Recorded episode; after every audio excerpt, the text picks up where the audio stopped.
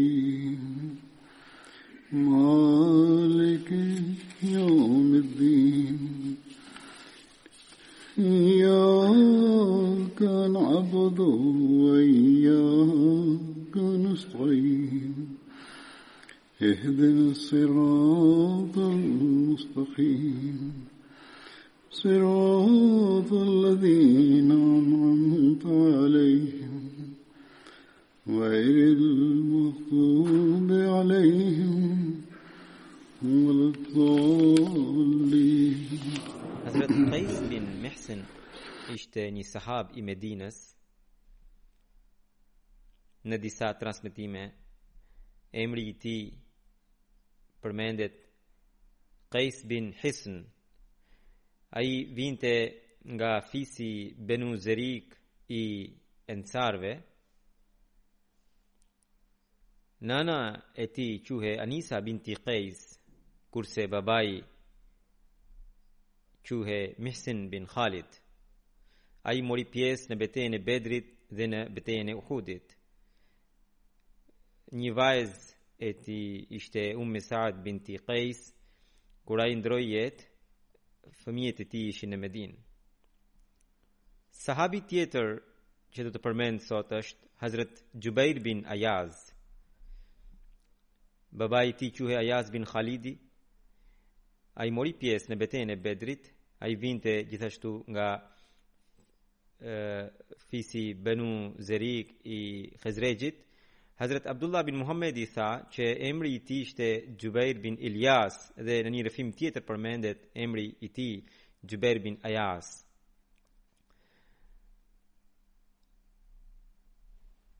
Në hadithe përmendet që maadhallah i dërguri i Allahut sallallahu alaihi wasallam u prek nga magjia nga një hebre dhe pra ky hebreu arriti t'i bënte magji profetit sallallahu alaihi wasallam dhe në këto transmetime përmendet që ai kishte përdorur mjetet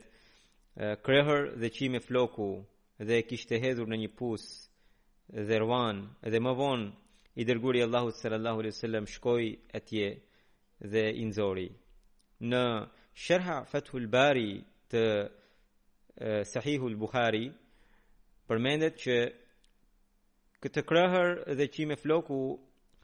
i kishin nxjerr, i kishte nxjerrë Hazrat Jubair bin Ayas në nga pusi Dherwan ose dhe në një rrëfim tjetër përmendet uh, Hazrat Qais bin Mihsan dhe pikërisht këta ishin dy sahabë që ju përmenda pak më sipër. Se çfarë kishin nxjerrë këta dy sahabë nga pusi nuk është gjë e rëndësishme. Ajo që është më e rëndësishme është që a U ndikua Profeti sallallahu alaihi wasallam nga ndonjë magji apo jo? Cili është realiteti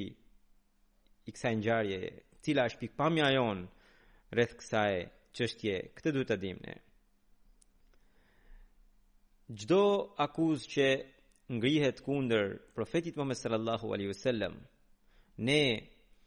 duhet të dimë të japim përgjigje. Prandaj sot do të flas pak me hollësi rreth kësaj çështje duke u referuar literaturës së xhamatit.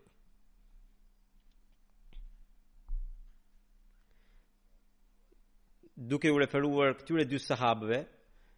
që ju kam përmendur në fillim, do të flasim këtë çështje sot. Hazret Kalifi i dytë i xhamatit, pra të Mesihut të Premtuar alejhi salatu selam, duke komentuar surën Felek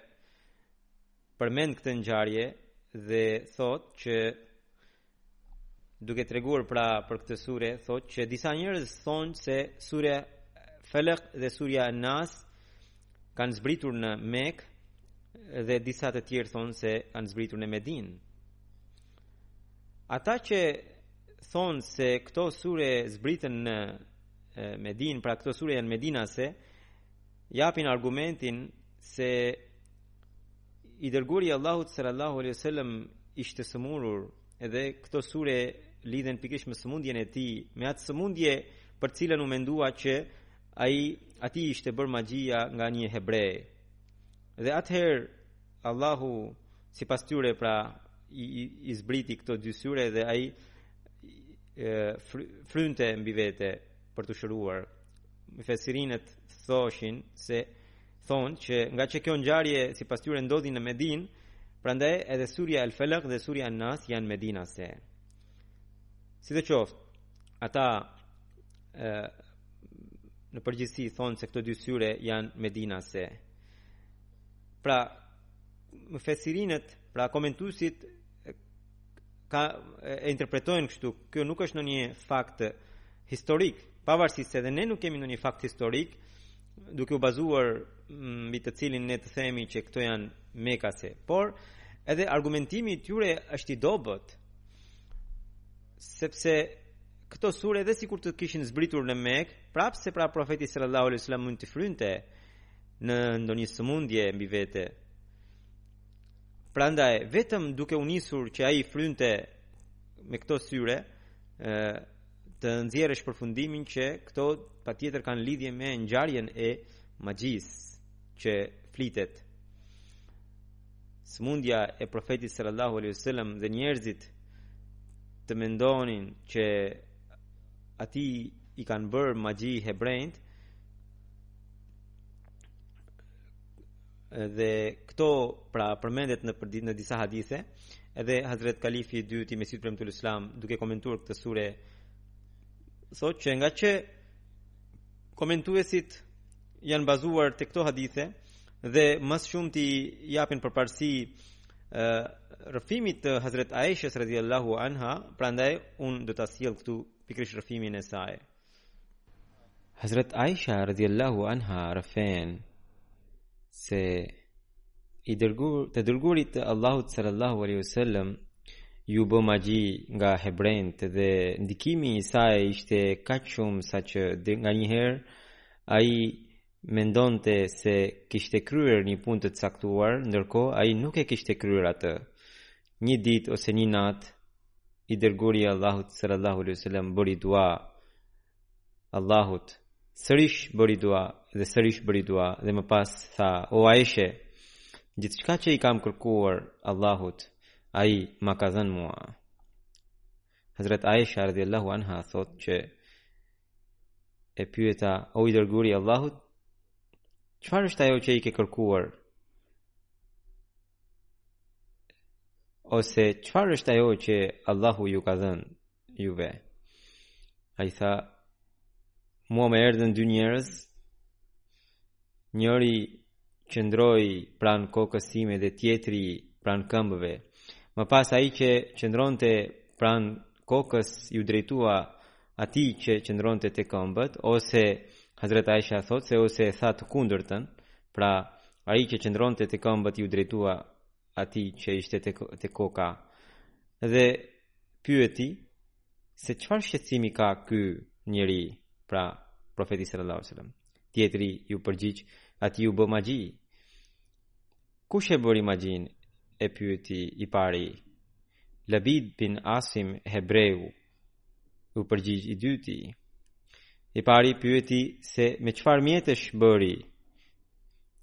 I dyti tha që me krehër dhe në bistak hurmash dhe i pari pyeti se ku gjenden këto i dyti tha që në pusin e dherwanit më pas i dërguri Allahu sallallahu alaihi wasallam bashkë me disa sahab shkoi tek ai pusi dhe u kthye dhe më tha o Aisha pasha Allahun uji i pusit dukej sikur të ishte lyer me këna, pra ishte i skuqur i tëri. Hazret Kalifi i 2-të sqaron që duket se hebrejt kishin si metodë që kur bënin magji, përdornin këna ose ndonjë gjë tjetër që skuqte sendin ose ujin për të treguar një për të bërë ndikim tek njerëzit që magjia domethënë u realizua pra bënin një gjest për t'i bindur njerëzit dhe më pas tha që hurmat e atij vendi ishin sikur kokat e djallit, domethënë kokat e gjarprinjve, Profeti sallallahu alaihi wasallam përdori këtë metaforë. Dhe Hazrat Aisha radhiyallahu anha thotë që i thashë o i dërguari i Allahut pse nuk i dogje ato gjëra me të cilat ishte bërë magji? I dërguari i Allahut sallallahu alaihi wasallam tha derisa Allahu i madhërishëm më ka shëruar mua unë e ndjeva të papëlqyeshme që të bëja një gjest që mund të përhapte sherr. Më pas profeti sallallahu alajhi wasallam porositi që ato gjëra t'i groposnin edhe ata i groposën pra sahabët pra. Hazrat Aisha radhiyallahu Hazrat Kalifi i dytë thotë që në këtë rrëfim të Hazrat Aishës ata dy burra që përmenden që erdhën tek profeti sallallahu alajhi wasallam duket se janë engjëj që iu shfaqën profetit sallallahu alajhi wasallam po të ishin njerëz ata do t'i dukeshin edhe Hazrat Aishës radhiyallahu anha ai thotë që ky rrëfim që përmendet nga Hazrat Aisha tregon vetëm kaq që Allahu i madhërishëm njoftoi profetin Muhammed sallallahu alaihi wasallam përmes engjëjve që hebrenjtë i kanë bërë magji kjo nuk do të thotë që ashtu siç thuhet se ai ishte nën ndikimin e magjisë të kishte ndodhur një gjë e tillë profetit Muhammed sallallahu alaihi wasallam. Më pas ai thotë pra kalifi i dytë i xhematit Mesihut alejhi selam, që sido që të jetë profeti Muhammed sallallahu alaihi wasallam i nxori gjërat e tyre dhe i groposi dhe hebrenjtë me siguri e, e, e, kuptuan që e, magjia e tyre u zhduk Dhe këtu edhe profeti sallallahu alajhi wasallam u shërua shkurt hebrenjtë ishin të bindur që ata i kishin bërë magji profetit sallallahu alajhi wasallam dhe nga kjo ata atyre u shkoi mendja që profeti u sëmur dhe ai shkruan që ky rrëfim nga njëra anë tregon armiqësinë e hebrenjve për profetin sallallahu alaihi wasallam dhe nga ana tjetër tregon Shkoqur që i dërguari i Allahut sallallahu alaihi wasallam ishte i dërguar i Zotit, sepse Allahu i Madhërishëm e njoftoi atë nga e padukshmja për gjithçka që bënin hebrenjtë kundër tij, pra derisa ai u njoftua nga e padukshmja për intrigat e hebrenjve dhe ai mbeti i mbrojtur nga ato,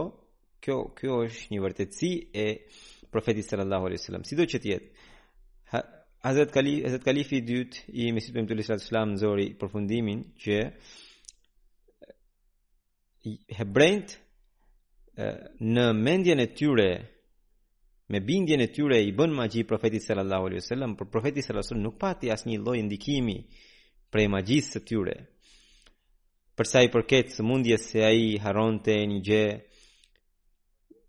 Kjo mund të ketë edhe shkaqe të tjera gjë që ndodhin rëndom tek njeriu. Por i dërguari i Allahut sallallahu alaihi wasallam u njoftua për intrigat e hebrenjve dhe dhe Allahu edhe për t'i treguar njerëzve u të, i, i tregoi të padukshmen profetit sallallahu alaihi wasallam dhe e,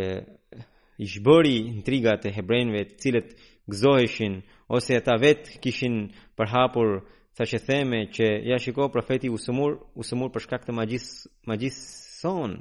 pra thoshin ata edhe Allahu i madhërishëm e zhbëri edhe këtë anë të kësaj ngjarjeje Në literaturën e xhematit gjejmë një trajtesë tjetër të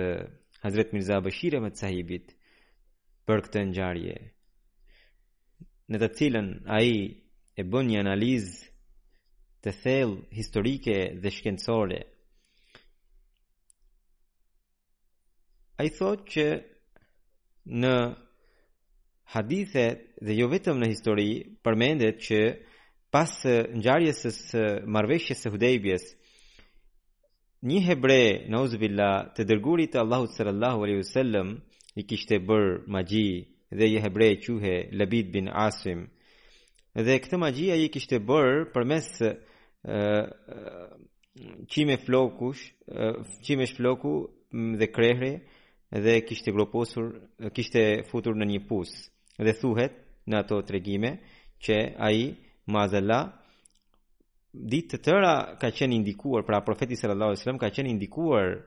nga kjo magji dhe gjatë kësaj periudhe ai shpesh rrinte i mërzitur dhe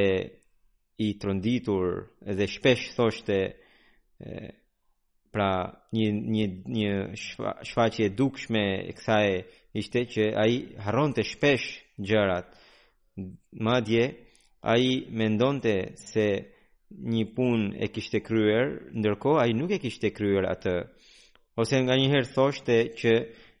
ai kishte vizituar një grua të caktuar të tij, ndërkohë ai nuk e kishte vizituar atë. Hazreti Mirza Bashir Ahmad Sahibi duke sqaruar këtë thotë që sipas ne duhet të dimë që profeti sallallahu alaihi wasallam duke zbatuar porositë e Islamit kishte përcaktuar radhën secilë për secilën grua të tij dhe gjithnjë shkonte te secila dhe i përshëndeste dhe më në fund shkonte tek ajo që kishte radhën atë natë. Pra vazhdon rrëfimi aty thuhet që në fund Allahu i madhërishëm ia zbuloi profetit magjinë dhe magjia u zhbë dhe është ajo ngjarje që ju kam treguar pak më herët në lidhje me komentimin e Hazrat Kalifit të dytë të Mesihut alaihi salam. Më pas ai shkruan që kjo është përmbledhja e rrëfimeve dhe rreth kësaj këtij rrëfimi janë thurur tregime të tilla saqë zor se e gjen të vërtetën. Kaq shumë tregime janë thurur saqë në qoftë se do të mbetesh vetëm te këto rrëfime është vështirë të arrish tek përfundimi i saktë dhe në fund ty të del nauzu billah qenia e e shenjtë dhe e bekuar e profetit sallallahu alaihi wasallam të ishte e tillë që mund të thuash ishte e dobët dhe në natyrë me natyrë të dobët dhe të cilin pra profetin sallallahu alaihi wasallam të paktën armiku i tij të paktën për çështjet materiale, për çështjet e kësaj bote, mund ta bënte si të donte dhe përqendrimi i armiqve arrinte t'ia merrte mendjen dhe profetin sallallahu alaihi wasallam ta bënte që ai të mos ishte më në vetvete. Pra, këto janë rezultate në qoftë se ne do t'i besojmë verbërisht këtyre rrëfimeve. Por në qoftë se thotë Hazrat Mirza Bashir Sahibi, ë do të bëjmë një analizë të logjikshme dhe të fakteve, dhe t'i shqyrtojmë rrëfimet, del shumë qartë që kjo ishte thjesht një sëmundje harrese që e zë njeriun shpesh për shkak të sidomos për shkak të punëve intensive. Dhe këtë gjë Disa armiq keqdashës e, e përhapën si lajm që ne mazalla i kemi bërë magji profetit të muslimanëve. Por prof, Allahu i Madhërishëm shumë shpejt i dha shëndet profetit sallallahu alaihi wasallam edhe edhe këtë intrigë, edhe këtë propagandë të rreme të armiqve e e, e zhbëri. Profeti sallallahu alaihi wasallam ishte triumfuesi kundër të gjithë kundër forcave forcave djallëzore në të gjithë botën dhe nuk ka lindur në botë një triumfues i tillë dhe as nuk do të lind ndonjëherë dhe për të të thuash që ai të ishte bërë shënjestër e fuqive djallëzore Kjo, kjo, kjo është keqardhje për muslimanët. Dhe kjo nuk është thjesht deklarata jonë, por vetë profeti sallallahu alaihi wasallam e ka sqaruar këtë gjë. Gjë që përmendet në një hadith tjetër, Hazrat Aisha radhiyallahu anha e pyeti o i dërguari i Allahut, A kam edhe un djall? Ai tha po. Pra Hazrat Aisha e pyeti për veten që a kam edhe un djallin? Dhe më pas pyeti çdo njeri ka djallin e vet? Profeti tha po. Hazrat Aisha e habitur pyeti o i dërguari o i dërguari i Allahut, edhe me ty është lidhur ndonjë djall? Ai tha, po, por, Allahu i madhërishëm më bëri të triumfoje djallin tim dhe djalli im është bërë musliman. Një pohim kaq i qartë, kaq i shkoqur nga profeti sallallahu alaihi wasallam dhe pas këtij a mund të mendosh që një hebre i thjeshtë duke përdorur djallin e vet ë ta kishte ndikuar profetin sallallahu alaihi wasallam dhe ai të kishte arri për ditë të tëra ka qenë nën ndikimin e djallit të atij hebreu kurrsesi nuk mundet Allahu i madhërishëm në Kur'anin famëlart thotë Kataballahu la aghlibanna ana wa rusuli. Në fakt, gënjeshtarët në çdo kohë përdorin intriga dhe propaganda të tilla kundër njerëzve të vërtetë, kurse Zoti i Madhërishëm në çdo kohë vijueshmërisht u ka zbuluar intrigat e tyre, siç thotë kataballahu la aghlibanna ana wa rusuli. Domethënë, Allahu e ka shkruar dhe ka vendosur që unë dhe profetët e mi do të ngaznjejnë kundër çdo sulmi të dja, djajeve. Më pas Hazrat Mirza Bashir Ahmed sahibi shkruan që tani lind pyetja se cili është realiteti i kësaj ngjarje që përmendet edhe në Buhari përmes Hazret Aishës radiallahu anha, në qoftë se do të bëjmë një analizë të kësaj ngjarje dhe të veprimeve të hebrenjve, na del e qartë që të kishte ndodhur diçka tjetër, së pari duhet të dimë që kjo ngjarje e ashtuquajtura e magjisë, rrëfehet se ka ndodhur pas ngjarjes së marrëveshjes së Hudejbies. Në Tabqat Ibn Sa'd shkruhet që i dërguari i Allahut sallallahu alaihi wasallam duke u nisur nga një ëndër e tij e bekuar u nis për në Mekë për të bërë umra, por gjatë rrugës Kurejshet e ndaluan dhe atë dhe sahabët e tij dhe ky udhëtim në pamje të parë dështoi dhe ky dështim në dukje shkaktoi tallje dhe qeshje nga tek mohuesit dhe hipokritët madje edhe disa muslimanë të sinqertë duke përfshirë Hazret Omerin radhiyallahu anhu u lëkundën duke parë këtë ë që në dukje ishte dështim dhe gjë që përmendet edhe në Buhari që profeti sallallahu alejhi wasallam duke parë gjendjen e sahabëve u shqetësua tej mase dhe për një kohë ai mbeti i shqetësuar dhe ky shqetësim natyrisht do ta kishte ndikuar edhe në trupin e tij dhe edhe në mendjen e tij. Dhe në këtë gjendje ai vazhdimisht lutej Zotit, siç edhe hadithi në fjalë tregon që ai sërish bëri dua, sërish bëri dua. Pra që të mos bëhet ndonjë ndalesë për shkak të ngjarjes së, ndalesë në përparimin e Islamit për shkak të ngjarjes së Hudejbjes. Kjo ishte si lutje e tillë që profeti sallallahu alajhi wasallam kishte bërë edhe në betejën e Bedrit, duke iu drejtuar Allahut, duke parë fuqinë e armikut, fuqinë e dukshme të armikut. Allahumma in tuhlik hadhihi al-isabata la tu'bad fil ardi. la tu'bad fil ardi abada. Domethënë, o Zot, në qoftë se do ta shkatërrosh këtë grusht njerëzish sot, nuk do të adhurohesh më kurrë. Pra, këto gjëra e bënë profetin sallallahu alaihi wasallam që ai të ndihej i dobët fizikisht dhe në kujtesë dhe disa dhe pësoi sëmundjen e harresës në disa rrëfime thuhet 2 ditë disa rrëfime thuhet 4 ditë, në disa rrëfime thuhet një natë e një ditë, sido që të jetë. Uh, Hazret Mirza Bashir Ahmed Sahibi thotë që për disa ditë kjo ndodhi dhe kjo ndodhi për shkak të shqetësimit intensiv të profetit Muhammed sallallahu alaihi wasallam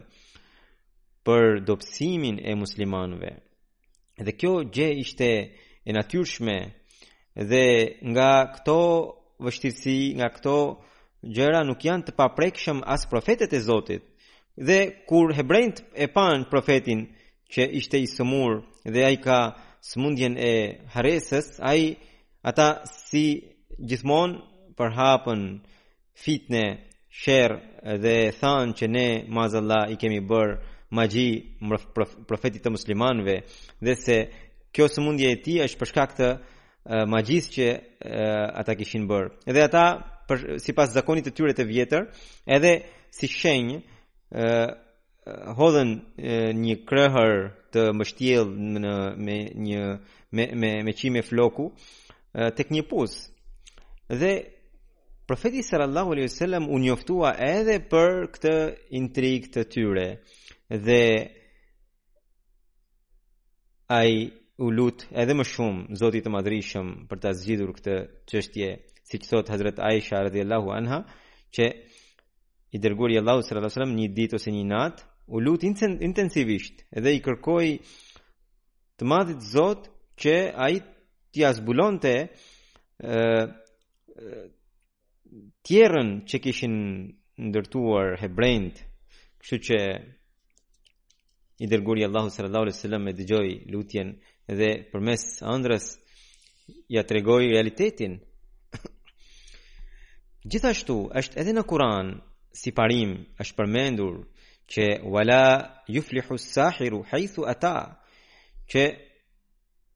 Magjistari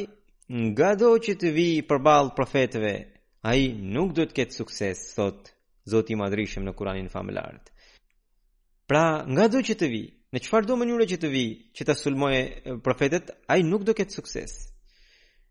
Dhe ka një edhe një tjetër thënie e Allahut në Kur'an, yaqulu zalimuna in tattabi'una illa rajulan mashura. Që ish, nuk ishin besimtarë, ishin të padrejtët ata që e thanë se ju ndiqni thjesht një njeri të magjepsur. Pra, këtë kjo gjë është përmendur në Kur'an se këtë që e thonë janë mohuesit. Duke i marrë parasysh këto argumente ne fjalët e këtij hadithi dhe shprehjet e e tij ne duhet të kuptojmë sipas Sipas traditës së arabëve, që ai është një narracion në vetën e parë, pra hikajet anil ghayr, që kur mm, ai që flet, flet nga ana e tij, mirëpo kuptimi është që të tjerët thonë kështu. Pra, në këtë mënyrë, ky rrëfim mund të përkthehet edhe kështu, që Hazrat Aisha radhiyallahu anha thotë që një herë Të dërguarit e Allahut sallallahu alaihi wasallam i bënë magji. Dhe kjo do të thotë që jo i bënë magji, por armiqt përhapën lajmin që ata i bënë magji. Pra, kjo ishte mënyrë e të folurit e rëndomtë tek arabët. Aq sa që njerëzit ë pra ajo thotë që aq sa që profeti sallallahu alajhi wasallam mendonte se një punë kishte kryer ai nuk e kishte kryer ndërsa në një rrëfim tjetër thuhet që ai kishte vizituar një grua të tij ndërkohë nuk e nuk e kishte vizituar atë gjatë këtyre ditëve sipas uh, Hazrat Aishës një ditë ai erdhi tek Hazrat Aisha dhe ai vazhdimisht i lutej profeti sallallahu alajhi wasallam më pas i dërguari i Allahut sallallahu alaihi wasallam i tha Aishës, "O Aisha, Allahu ma tregoi atë gjë që unë i kisha kërkuar atij." E pyeta, "Cila është ajo i dërguar i Allahut?" Ai tha që në ëndërr më erdhën dy persona, pra njëri u ul te koka ime, tjetri te këmbët e mia dhe njëri i pari e pyeti të dytin se çfarë shqetësimi ka ky njeri. Dhe Hazrat Mirza Bashir Ahmad Sahibi thotë që edhe kjo mënyrë e të folurit është hikajet anil ghair, pra narracion në vetën e parë. Dhe i njëjti rrëfim pastaj vazhdon që ai ka shqetësimin që filan njeriu i ka bërë magji edhe ai ka atë ndikim dhe kjo nuk do të thotë se ai ka por të tjerët e thonë kështu Më pas Hazrat Aisha radhiyallahu anha tregon që pas kësaj ëndrre ose pas këtij keshfi profeti sallallahu alajhi wasallam me gjithë me, me disa disa sahab vizitoi pusin dhe aty kishte ujë të skuqur dhe kishte edhe palma profeti sallallahu alajhi wasallam u kthye dhe i tha Aishës o Aisha Uji i atij pusi ishte i skuqur dhe ishte tradita, ishte zakoni i hebrenjve që për t'i për t'i mashtruar të tjerët e, e bënin këto veprime për të treguar se është magjia e tyre. Dhe e, palmat e, e asaj pjese e asaj atij vendi ishin të ndikuara dhe Hazrat Aisha tha që përse nuk i hoqe ato mjetet nga i pus ose pse nuk i dogje atëherë i dërguari i Allahut sallallahu alaihi wasallam tha që derisa Zoti më ka mbrojtur mua, më ka shëruar mua, pse do ta përhapja propagandën e hebrejve, ëh? armiqve që ata kanë bërë magji. Pra profeti sallallahu alajhi wasallam e mbylli pusin e i, kështu i groposi ato mjete. Hazrat Mirza Bashir Ahmad sahib thotë që duhet të ditur që hikajet anil ghair pra narracioni në veten e parë, por për të tjerët ë kështu në tek arabët ishte ishte një diçka e rëndomt. Madje edhe vet Kurani famëlart e përdori këtë shprehje këtë lloj të foluri. Kështu që duke u drejtuar xhehenemlive Allahu thotë që dhuq innaka antal azizul kerim. Do të thotë xhehenemli shijoje këtë ndëshkim ti që je i plotfuqishëm dhe i nderuar. Dhe këtu ne e dimë që nuk është që Zoti po i drejtohet atij xhehenemliu me këto nderime që ai është i plotfuqishëm apo i nderuar, por tregon pikërisht në një rast narracion në veten e parë që o njeri ti që shokët e tu të e, thoshin se ti je i nderuar, ti je i plotfuqishëm, tani shijo ndëshkimin tim. Pra Ky lloj e, e, e folmje e, përmendet tek arabët shpesh. Edhe pikërisht kjo duhet të ishte edhe tek ngjarja e, e kësaj ashtuquajturës magjie. Kështu që kur than ata njëri prej tyre tha që këtij i bënë magji, ai engjëlli nuk do thoshte që ne besojmë se i kanë bërë magji, por njerëzit e thon kështu. Dhe kuptimi i vërtet i ëndrrës ishte që ata të cilët pra hebrenjtë që e kishin fshehur ata engjëjt donin t'ia zbulonin profetit sallallahu alaihi wasallam nga e padukshmja pra Zoti i Madhërishëm donte t'ia zbulonte përmes këtyre dy engjëjve dhe kështu Zoti e mbrojti të dërguarin e tij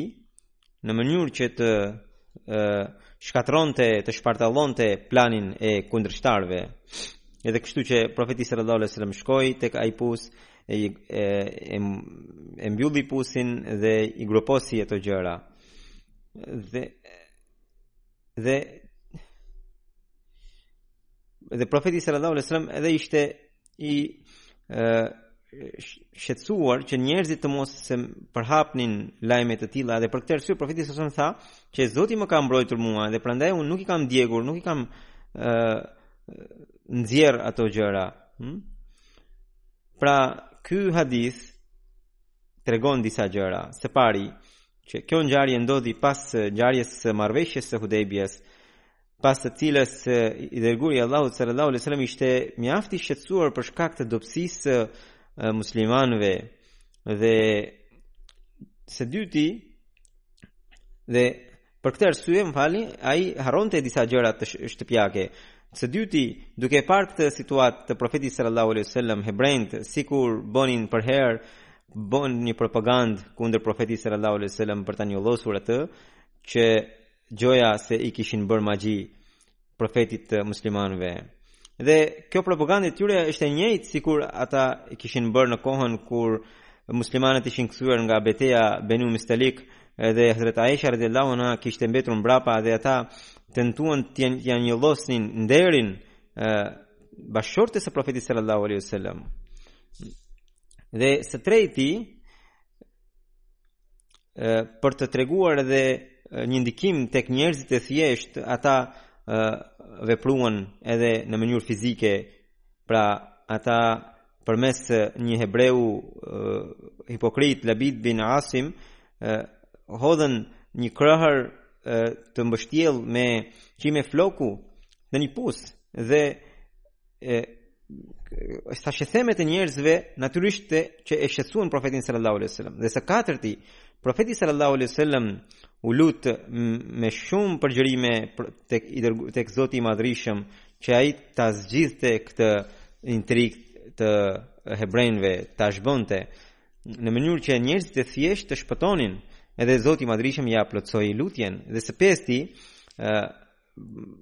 Allahu i madhërishëm ia zbuloi profetit sallallahu alaihi wasallam gjithë tjerrjen e hebrejve intrigën e tyre dhe profeti sallallahu alaihi wasallam shkoi tek ai pus dhe e, e mbuloi pusin dhe i groposi ato gjëra në mënyrë që të mos mbetej asnjë gjë. Mbetet vetëm një pyetje për të zgjidhur. Si është e mundur që profeti Muhammed sallallahu alaihi wasallam që ishte një profet i madh, madje profeti më i madh, vula e profetëve, të kishte sëmundjen e harresës në një herë, e cila në duke pengon të në misionin e ti profetik. Në lidhje me këte duhet të dim që gjdo profet ka dy aspekte në jetën e ti. Në një aspekt a i është profeti i Zotit, i dërguar i ti, edhe në këte aspekt a i merë shpaljen prej Zotit dhe bëhet mësues i nxë i nxënësve të tij, pra ndjekësve të tij dhe bëhet model për të. Dhe në aspektin tjetër, ai është njëri prej njerëzve nga gjiri i tyre, pra nga gjiri i njerëzve. Dhe të gjitha shqetësimet njerëzore i ka edhe ai, siç kanë të tjerët. Dhe për këtë arsye, Allahu i Madhërishëm në Kur'anin famëlart, duke u drejtuar profetit sallallahu alajhi wasallam tha: "Qul inma ana basharun mithlukum, yuha ilayya." Që O i dërguar i Allahut, o o Muhammed, thuaj: Un jam një njeri thjesht si ju, por vetëm se mua më shpallet. Pra, në këtë ajet Allahu i Madhrishëm në mënyrë shumë të bukur tregoi të dy aspektet e profetit Muhammed sallallahu alaihi wasallam. Edhe aspektin njerëzor, por edhe aspektin e, profetik. pra, të gjithë profetet kanë pasur këto dy aspekte. Në një nga njëra anë, ata janë njerëz në radhët e njerëzve dhe nga ana tjetër janë edhe të dalluar nga njerëzit. Pra, ai njeri që mendon që profetet janë të paprekshëm nga shqetësimet njerëzore, gënjen. Edhe profetet sëmuren njësoj sikur sëmuren të tjerët. Ata mund të kenë malaria, tifoid, madje. Hazret Mirza Bashir Ahmed Sahibi thot që këtu duhet të dimë që nga shenjat që ne mësojmë në hadithet për vdekjen e profetit sallallahu alaihi wasallam ai duhet të ketë pasur uh, tifoidin, ethet e tifoidit në fund të jetës së tij. Profetët mund të kenë dhimbje koke, profetët mund të kenë koll, mund të kenë shqetësime, ankth, uh, harresë, plagosje, uh, pra të gjitha këto gjëra ata mund të kenë edhe Profetët i kanë pasur përveçse në qoftë se Zoti i Madhrishëm e mbron një profet të caktuar nga ndonjë sëmundje e caktuar dhe në qoftë se dikush mendon që Kurani i famëlart thotë për të dërguarin e Allahut sallallahu alaihi wasallam sanuqriuka fala tansa që ne do të të shpallim ty dhe ti nuk do të harrosh si e, përligjet smundja e harresës së tij për, përpara këtij ajeti, duke i përgjigjur kësaj ne duhet të dimë që ky premtim është vetëm për shpalljet kuranore dhe jo për, e, përditshmërinë e tij. Pra do të thotë që o, o profet, atë që unë do të shpall ty si kuran, Do ta mbrojmë deri në fund të kësaj bote, do ta ruajmë vetë. Ndërsa çështjet e zakonshme dhe gjërat e përditshme nuk përfshihen në këtë premtim. Kështu që në hadith është i provuar që në shumë herë profeti sallallahu alaihi wasallam edhe harronte Madje thuhet në hadith që disa herë ai duke i udhëhequr namazin harronte numrin e rekateve dhe më vonë njerëzit ia kujtonin. Këto hadithe janë gjenden edhe në Buhari edhe në Muslim. Profeti sallallahu alajhi wasallam gjithashtu harronte edhe gjëra të tjera. Madje ai thot, ai vetë tha, "Inna ma ana basharun ansa." Kama tansauna fa idha nasitu fadhakiruni. Domethënë, edhe un jam një njeri si ju dhe ashtu siç ju harroni, edhe un harroj. Prandaj kur harroj un, më kujtoni mua. Thot profeti Muhammed sallallahu alaihi wasallam. Kështu që ashtu siç profeti sallallahu alaihi wasallam pati harresë në kohët e ndryshme, pas ngjarjes së Hudejbjes ai pati këtë si sëmundje për shkak të shqetësimit intensiv, shqetësimit të rëndë që ka pasur për shkak të dobësimit të muslimanëve. Dhe këtë shpjegim kanë dhënë edhe disa dijetarë të mëparshëm, Allama Mazri thotë që ka plot argumente për vërtetësinë e profetit sallallahu alaihi wasallam që tregojnë si drita e diellit se ai ishte profeti i vërtetë. Por, prapëseprapë ai ka pasur sëmundje dhe vështirësi dhe shqetësime të zakonshme që kishin edhe njerëzit e tjerë dhe sëmundja e harresës ishte pikërisht nga këto. Edhe Allama ibn Kathar thotë që kjo sëmundje e harresës e profetit sallallahu alaihi wasallam ishte njëra prej sëmundjeve Dhe hadith fjala e fundit e, e hadithit tregon që kjo është e vërteta ku Allahu thotë se Allahu e shëroi atë. Shkurt pas marrëveshjes së Hudejbjes, i dërguari i Allahut sallallahu alaihi wasallam ishte në një gjendje të shqetësuar dhe më pas pati harresë edhe kjo harresë nuk ishte për shkak të magjisë së hebrenjve, por për shkak të shqetësimit të madh që ai kishte ato ditë. Dhe pikërisht këtë gjendje të tij kundërshtarët e morën për dredhinë e tyre dhe përhapën, bënë propagandë që ata gjoja se i kishin bërë magji. Ndërsa Kurani famëlartë e largon fuqimisht magjinë nga pra e nuk e lejon magjinë kurrsesi t'i afrohet qenies së profetit fjalët e hadithit siç ju kam shpjeguar edhe ato tregojnë që kështu duhet të ketë ndodhur dhe profeti sallallahu alaihi wasallam vetë i asgjësoi ato gjëra për të treguar që kjo nuk ishte aspak ndikim dhe Hazret Mirza Bashir Ahmed Sahibi gjithashtu tregoi që në në këtë trajtesë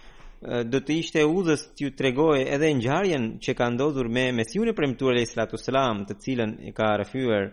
Hazrat Kalifi i dytë Ajedahu Allahu Ta'ala sepse pra këtë ai e shkruan gjatë kohës së periudhës së kalifatit të kalifit të dytë Ai shkruan edhe ky rrëfim gjendet si rrëfimi numër 75 në Siratul Mahdi dhe ai ka qenë dëshmitar i kësaj ngjarje që një e, hindu që ishte kundërshtar i xhamatit erdhi nga Gujarati në Kadian dhe u ul në xhamin e Mesihut të Premtuar alayhi salatu wasalam gjatë një mbledhje dhe ai ishte mjeshtër i hipnotizmit dhe me shumë përqendrim filloi ta hipnotizonte Mesihun e Premtuar alayhi salatu wasalam dhe tentoi që të Mesihut të premtuar alayhi salatu wasalam të bënte ca veprime që të ishin qesharake për ndjekësit e tij. Dhe por papritmas ai bërtiti me të madhe dhe u jam u largua nga xhamia. Më më vonë kur njerëzit e pyetën, e kërkuan dhe e gjetën dhe pyetën, ai tha se unë për këtë kisha ardhur dhe mirëpo pashë një luan të frikshëm pranë Mesit pra pra pra pranë Mirza Ghulam Ahmedit i cili ishte gati të më sulmonte pra nëse kjo ishte pozita e shërbëtorit të profetit Muhammed sallallahu alaihi wasallam imagjinoni se si duhet të ketë qenë profeti sallallahu alaihi wasallam në fund dua të lexoj edhe fjalët e vendimtarit dhe gjyqtarit të kësaj kohe që ka që ka dërguar Allahu i madhërishëm në shërbim të profetit Muhammed sallallahu alaihi wasallam pra fjalët e Hazrat Mesihut të premtuar alayhi salatu wasalam një njeri pyeti Mesihun e premtuar alayhi salatu wasalam mohuesit i kishin bërë magji profetit Muhammed sallallahu alaihi wasallam çfarë mendimi keni për këtë ngjarje Hazrat Mesihu i premtuar alayhi salatu wasalam tha edhe magjia vjen prej djallit profetët dhe të dërguarit gjenden në një pozitë që ata nuk i prek dot magjia përkundrazi magjia ia, ia mbath Sa t'i shohë ata, siç thotë Zoti i Lartësuar, "Wala yuflihu as-sahiru haythu ata." Magjistari nuk mund të ketë sukses ngado që të vijë. Shikoni, magjia ishte e ballafaquar edhe me Musain. Përfundimisht, a fitoi Musai apo jo? Kjo është absolutisht e pavërtetë që magjia fitoi përballë Muhamedit sallallahu alaihi wasallam. Ne kurrsesi nuk mund ta pranojmë këtë. Është kundër qëndrimit tonë që ta besojmë verbërisht Buhariun dhe Muslimin. Edhe logjika nuk e pranon që magjia të kishte prekur edhe një profet kaq madhor si pejgamberi sallallahu alaihi wasallam. thashethemet që nga ajo magji larg qoftë të dërguarit të Allahut sallallahu alajhi wasallam iu humb kujtesa i ndodhi kjo i ndodhi ajo në asnjë mënyrë nuk mund të jenë të vërteta ai thotë duket duket që një njeri i ndyrë i ka sajuar këto gjëra edhe pse ne i shohim hadithet me shumë respekt por si mund të pranojmë një hadith në thonjza që është kundër Kuranit famëlartë dhe kundër nderit të të dërguarit të Allahut sallallahu alajhi wasallam ajo E mëparshmja ishte koha kur mblidheshin hadithet, edhe pse mbledhësit e haditheve i mblodhën duke menduar dhe duke arsyetuar, por nuk arritën ta bënin këtë punë me kujdes të plotë. Ajo ishte koha e mbledhjes së haditheve, por tani është koha e studimit dhe e shqyrtimit të tyre. Të, të mbledhësh shenjat e profetit sallallahu alaihi wasallam Pra, Mesihu i Premtuar alaihi salam thoshte që çdo hadith që bie ndesh me Kur'anin nuk duhet pranuar ose duhet duhet të bëhet një shpjegim që përputhet me thënien Kur'anore, siç ka bërë edhe Hazrat Kalifi i dytë dhe Hazrat Mirza Bashir Musaimi. Mesihu i Premtuar alaihi salam vijon të mbledhësh shenjat e Profetit Sallallahu Alaihi Wasallam është me të vërtetë një punë shumë shpërblyese, Por dihet që ata që e mbledhin nuk mund ta bëjnë edhe shqyrtimin. Kurse tani çdokush ka mundësi t'i shqyrtojë ato maksimalisht. Le të pranojë hadithin që duhet të pranohet dhe le të refuzojë atë që të refuz duhet të refuzohet nga mendimi që larg qoftë i dërguari i Allahut sallallahu alaihi wasallam ishte prekur nga magjia të ikën besimi. Zoti i lartësuar thotë Idh yaqulu zalimuna in tattabi'una illa rajulan mashura kur të padrejtët thonë ju shkoni veçse pas një njeriu të magjepsur pra mohuesit thonë se ju ndiqni veçse një njeri të magjepsur pra që është prekur nga magjia Pra, Mesihu alaihi salam thotë se pra ata që thonë fjalë të tilla janë të padrejtë dhe jo muslimanë. Kështu thotë Kurani, sipas Kuranit, pabesimtarët dhe të padrejtët thonë se i dërguari i Allahut sallallahu alaihi wasallam larg qoftë ishte prekur nga magjia. Nuk e mendojnë të paktën që në qoftë se larg qoftë i dërguari i Allahut sallallahu alaihi wasallam ka rënë në këtë gjendje, si do të qëndrojë umeti? Do të fundoset fare. Nuk di se çfarë u ndodhi këtyre njerëzve që nxjerrin fjalë të tilla ndaj atij profeti të mbrojtur sallallahu alaihi wasallam, për të cilin gjithë profetët e vlerësuan si të pastër nga prekja e djallit.